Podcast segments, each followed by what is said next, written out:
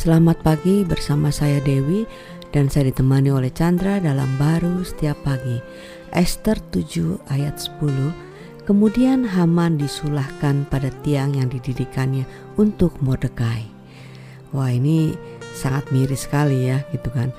Uh, inginnya Haman itu uh, membuat tiang untuk uh, digantung itu untuk Mordekai, tapi ujung-ujungnya itu didirikan untuk dirinya sendiri itu kan uh, karena rasa ya, apa kesalnya tidak sukanya dengan Mordekai akhirnya bisa melakukan hal yang demikian kejam ya.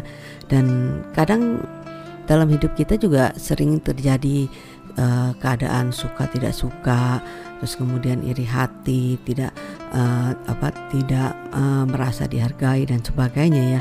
Sehingga tindakan-tindakan yang yang apa yang buruk itu akhirnya bisa terjadi gitu kan.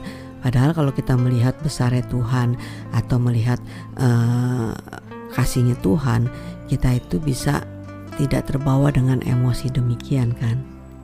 Iya ini satu contoh kehidupan umumnya orang ya terbawa ya dari uh, kesalahan uh, atau ketidaksukaan di dalam hatinya kepada situasi atau orang khususnya ke orang kan kalau dia nggak ada sukanya itu uh, walaupun mungkin dia nggak mau merancangkan kematian tapi setidak-tidaknya bisa membicarakan yang negatif aja. Betul. Yang uh, mem bersifat membunuh uh, karakter gitu kan katanya. Pembunuhan karakter. Pembunuhan karakter.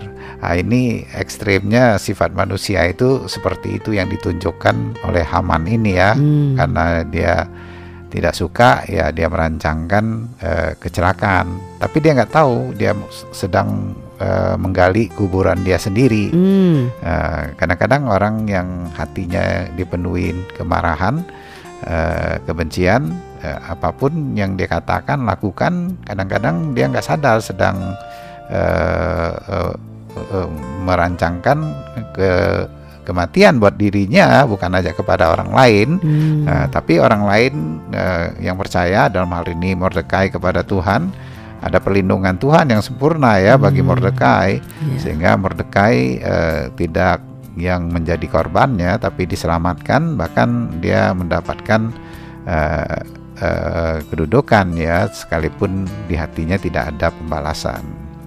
Wow, itu uh, satu kejadian di dalam kehidupan kita itu mengingatkan kita ya bahwa um, orang bisa aja tidak suka dengan kita ya. Nah, tapi kalau kita melihat bahwa Tuhan itu uh, yang mengubah hidup kita gitu kan ada aja caranya Tuhan itu membawa satu kedamaian, membawa satu uh, apa namanya kesejukan ya bagi semua orang gitu kan. Kan kita tidak diciptakan Tuhan untuk membawa satu uh, pertengkaran kan, tetapi adanya satu uh, apa kedamaian bersama siapa pun juga gitu. Iya, sebenarnya uh, kita ini udah nggak uh, ada damai ya di dalam diri kita tuh selalu ada konflik karena dosa itu kan. Tapi Tuhan melalui Kristus uh, dia uh, mendamaikan kita uh, sehingga dia memberikan hidup kasihnya ya. Uh, kasih itu kan tidak menyimpan kesalahan. Hmm. Hmm, maka itu ada uh, kehidupan kasih bagi hidup kita sehingga kesalahan itu hmm, tidak bisa disimpan ada pengampunan yang keluar dalam hidup kita ada kasih yang bisa kita nikmati sehingga tidak terbawa kemarahan, dendam, dan rancangan, apalagi merancangkan yang jahat. Jahat. yang ada adalah perkataan tetap memberkati, sebabnya kita pun uh, pada dasarnya uh, adalah orang yang salah, tapi sudah diampuni dan diberikan kasih itu. Amin. Amin.